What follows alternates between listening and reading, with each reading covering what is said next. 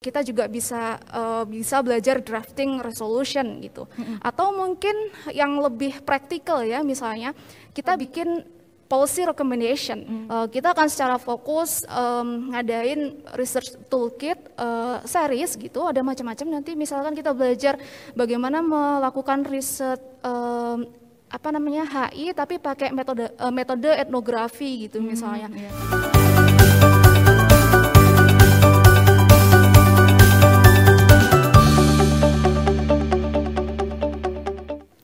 Assalamualaikum warahmatullahi wabarakatuh. Apa kabar Sobat Ngalir? Kembali lagi dengan Ngalir Tokso, ngobrol ala IR yang dipersembahkan oleh Laboratorium Diplomasi Program Studi Hubungan Internasional Universitas Islam Indonesia. Saya, Trina Fariba, akan menemani Sobat Ngalir berbagi cerita inspiratif dengan tamu istimewa kita.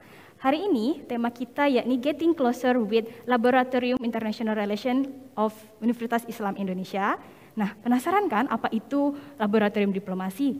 Kita langsung saja undang. Di sini adalah Kepala Laboratorium Diplomasi dengan Mbak Masito. Apa kabar Mbak Masito? Halo Inov, baik. Gimana kabarnya? Alhamdulillah baik juga. Beliau ini juga bos saya guys. oh Mbak Masito, ngobrol tentang laboratorium diplomasi kan sangat identik dengan HI. Nah, ya tentu saja. Iya kan? Uh, beberapa tahun belakangan ini Mbak, program studi hubungan internasional itu kayak menjadi tren gitu mbak, favorit bagi maba-maba atau kaula-kaula muda untuk masuk gitu. Sebenarnya apa sih mbak, uh, skill apa yang hanya dimiliki oleh mahasiswa HI mbak? Oke, pertanyaannya menarik nih. Jadi mungkin kalau dari sudut pandang teman-teman mahasiswa ya, uh, teman-teman mungkin taunya kalau HI itu belajar segala macam gitu ya. Tapi ada hal-hal tertentu yang itu jadi kekhasannya HI gitu. Hmm. Misal skill untuk um, melakukan negosiasi, tapi tidak hanya negosiasi saja, tapi juga menuliskan apa ya um, dokumen negosiasinya atau uh, speech writing gitu. Hmm. Jadi E, kalau di sini kita bisa melihat bahwa sebenarnya HI itu enggak hanya diharuskan bisa satu macam skill saja. Negosiasi itu kita bisa masuk ke skill apa ya? Uh, berbicara, public speaking, terus untuk penulisan uh, naskah negosiasinya itu kan uh, skill writing gitu. Juga ada beberapa skill lain, misalkan data analysis atau social engineering. Ini mungkin dari program studi lain juga ada, tapi keistimewaannya HI ini adalah HI itu biasa disebut sebagai program studi yang atau ilmu yang interdisipliner gitu. Hmm. Jadi kita bisa mengawinkan HI dengan ilmu lain seperti uh, ekonomi gitu misalnya atau uh, sosiologi atau yang lain. Jadi hmm. kita bisa mengambil ilmu dari mereka dan kita kawinkan dengan um, ilmu dari HI gitu. Jadi itulah istimewanya apa namanya jurusan HI. Oh, luar biasa sekali ya Mbak ya. Jadi bisa apa namanya disambung-sambungkan dengan mata studi lain gitu Mbak ya. Oke, nah Mbak kalau kayak gitu kita kan sudah ngomong getting closer with laboratorium HI gitu kan Mbak. Apa Mbak itu ke uh, laboratorium diplomasi di Mbak HI Mbak? Oke, jadi uh, di sini laboratorium diplomasi uh, program studi hubungan hmm. internasional itu di bawah apa namanya jurusan kita hubungan internasional. Jadi di sini laboratorium diplomasi itu merupakan sebuah fasilitas yang disediakan oleh jurusan bisa dimanfaatkan oleh seluruh mahasiswa HI hmm. untuk mengembangkan skill akademis maupun non akademisnya gitu. Hmm. Jadi uh, kegiatan mahasiswa HI itu secara umum didukung oleh laboratorium diplomasi gitu.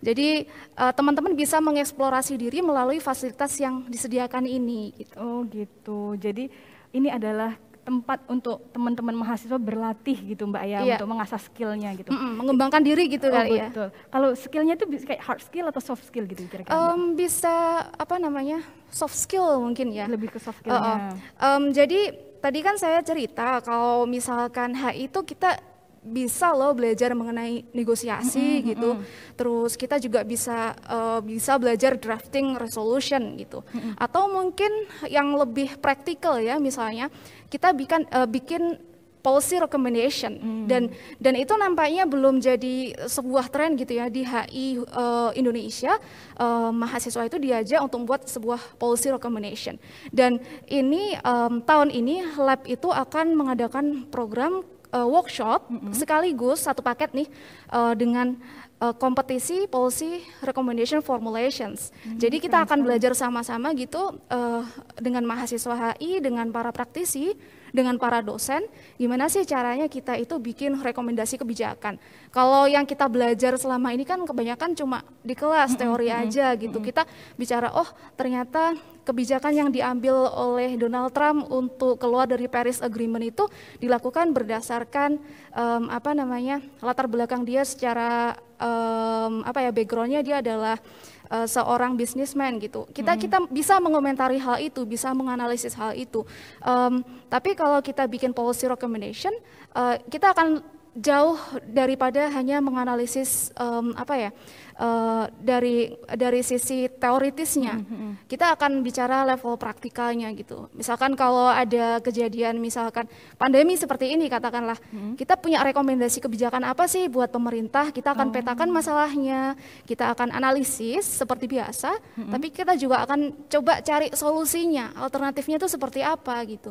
Sehingga hal ini uh, nanti diproyeksikan akan bisa jadi masukan untuk para pembuat kebijakan. Uh, jadi itu salah satu hal yang apa menurut saya itu sangat penting uh, karena mahasiswa HI itu sudah punya modalnya, hmm. tinggal kita kembangkan aja untuk praktisnya gitu. Hmm, kayak luar biasa sekali. Jadi kayak banyak sebenarnya yang bisa dieksploitasi gitu mbak ya dari dieksplora eksplorasi ya dieksplorasi, dieksplorasi dari uh, laboratorium diplomasi ini gitu mbak ya uh, mbak nah kalau begitu Mbak, skill apa yang bisa diasah anak HI gitu Mbak? Terus bagaimana skill ini bisa difasilitasi Mbak? Oke, okay. um, tadi ada ini ya workshop, workshop and uh, apa hmm, namanya uh, competency policy recommendation hmm. gitu ya.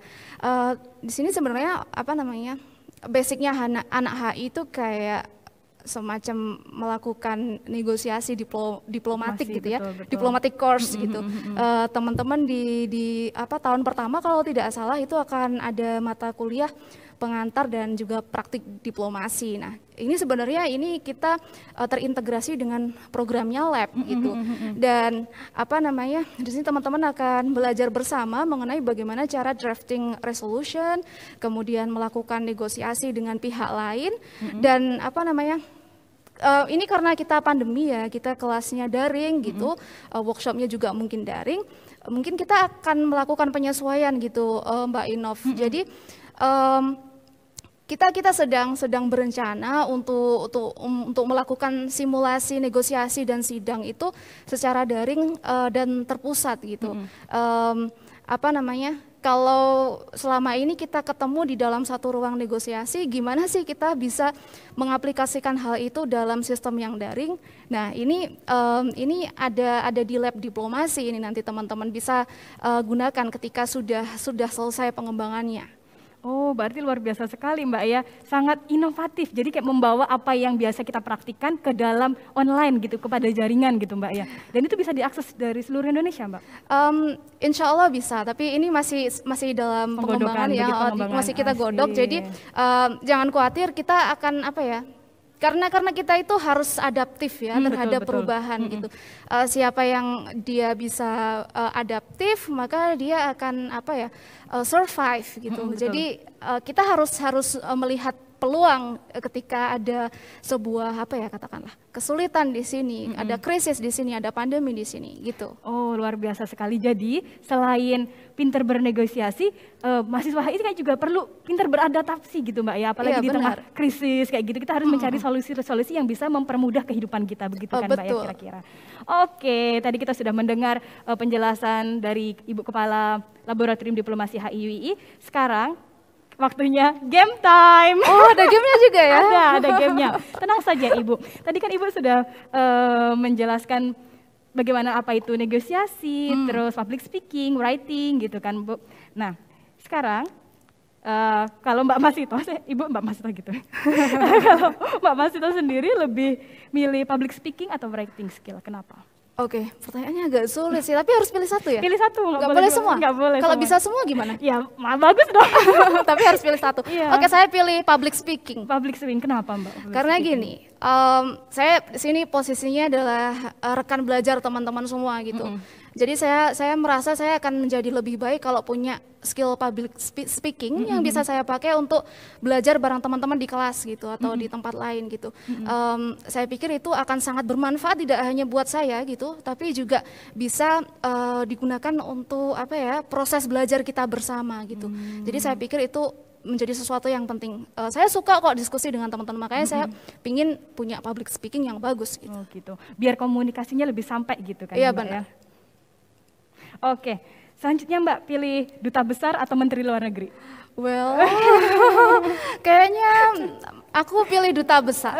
Kenapa tuh pilih jadi duta besar, Mbak? Um, kalau duta besar itu gimana ya? Uh, mungkin bentuk karakteristik pekerjaannya beda ya. Kalau mm -hmm. menteri luar negeri itu uh, lebih all round gitu. Mm -hmm. Mungkin mungkin apa ya? Uh, tapi kalau duta besar dia lebih spesifik pada satu negara gitu. Mm-hmm. Nah, saya ngelihat kalau saya tuh lebih suka kalau uh, kerja itu yang spesifik oh, gitu. Begitu, betul, jadi betul. saya pilih duta besar aja. Iya, Apalagi kalau bisa jadi di di negara yang kita sukai kan seneng oh, banget tuh. Iya, iya Mbak ya, sekalian apa namanya? Jadi pekerjaan, jadi hobi juga. Ya, benar, benar, benar. Oke, pertanyaan selanjutnya Mbak. Uh, dalam dunia akademik nih Mbak, Mbak lebih milih jadi peneliti atau dosen? Jadi peneliti atau dosen? Uh, bukankah dengan saya di sini sudah terjawab? sudah terjawab. Jadi presenter. oh, jadi presenter. Jadi host ngalir. jadi host ngalir. Oke, okay, um, saya pilih jadi dosen sih. Oh gitu. Um, gini, setiap orang punya preferensi ya. Kalau saya jadi dosen karena saya senang ketemu dengan banyak orang, terutama mm -hmm. dengan anak-anak muda gitu ya. Mm -hmm. Saya berasa kayak uh, masih apa namanya? Saya zaman waktu kuliah dulu ya, ya saya belum tua sih sebenarnya, hmm. tapi hmm. saya senang gaul sama mahasiswa gitu. Yeah. Jadi uh, setiap saat itu pikir, pikiran itu uh, refresh gitu. Hmm. Uh, saya selalu tahu hal-hal baru gitu. Jadi ya itulah resep uh, awet muda. Happiness, happiness betul. dan dan awet muda mungkin betul. ya.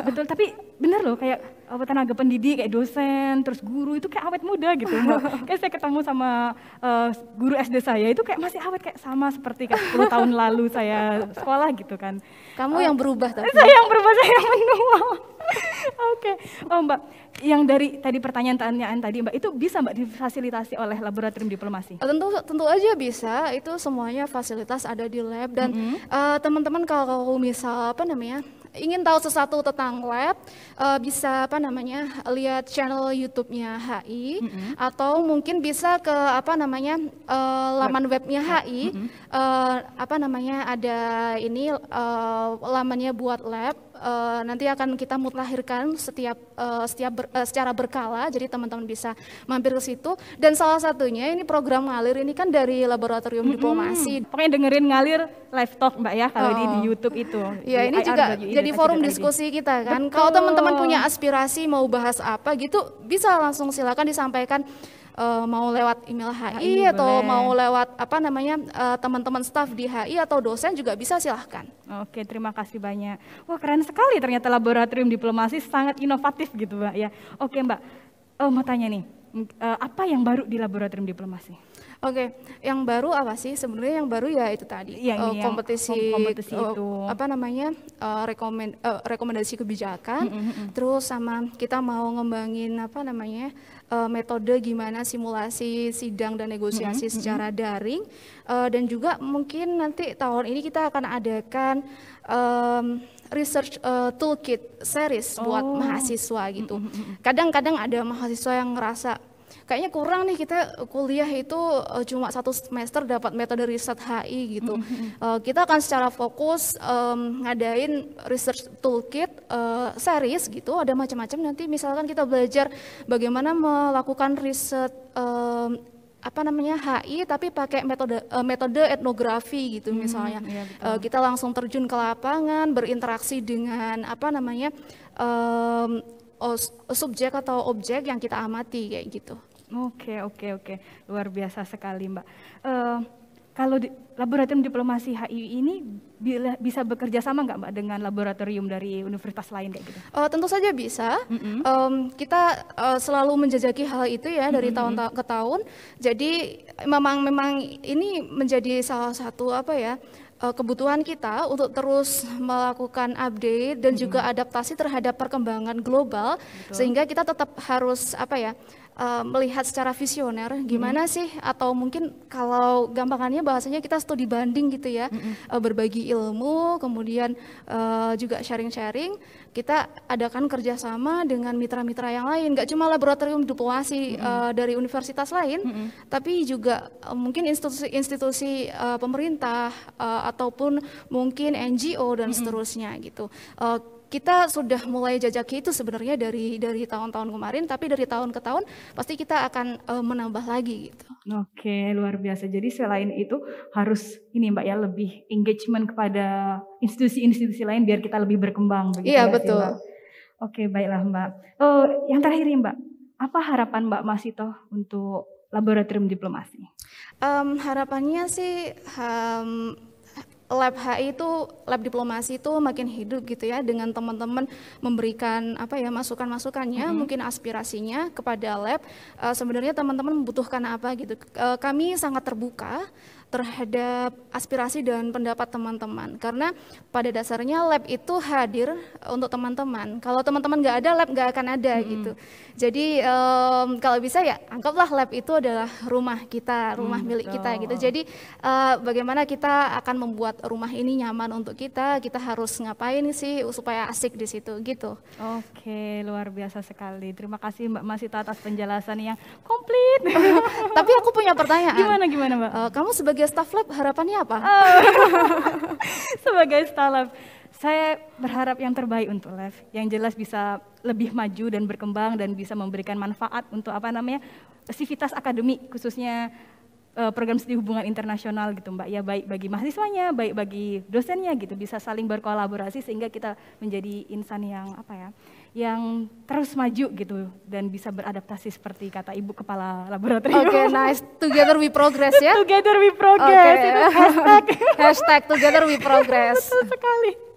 Oke, telah tadi obrolan seru kita dengan Kepala Laboratorium Diplomasi Program Studi Hubungan Internasional. Uh, terima kasih banyak Mbak Masito sudah hadir di Dengan studio ngalir ya Mbak. studio ngalir kita. Baik itulah tadi ngalir tentang uh, Getting Closer with Laboratorium International Relation UII. Uh, semoga saja memampu menjawab rasa penasaran dari teman-teman, uh, bisa memberikan informasi dan juga bisa menambah wawasan kita biar lebih memanfaatkan fasilitas-fasilitas yang ada di laboratorium diplomasi ya Mbak ya. Oke, terima kasih banyak Mbak Masito dengan sekali hati. lagi sudah berkenan ngobrol dengan saya gitu di ngalir ngobrol ala IR. Sampai ketemu lagi di episode-episode mendatang. Jangan lupa uh, ikuti terus channel YouTube kami. Jangan lupa like and subscribe. Saya Trina Faripa, mohon undur diri. Wassalamualaikum warahmatullahi wabarakatuh. Bye bye.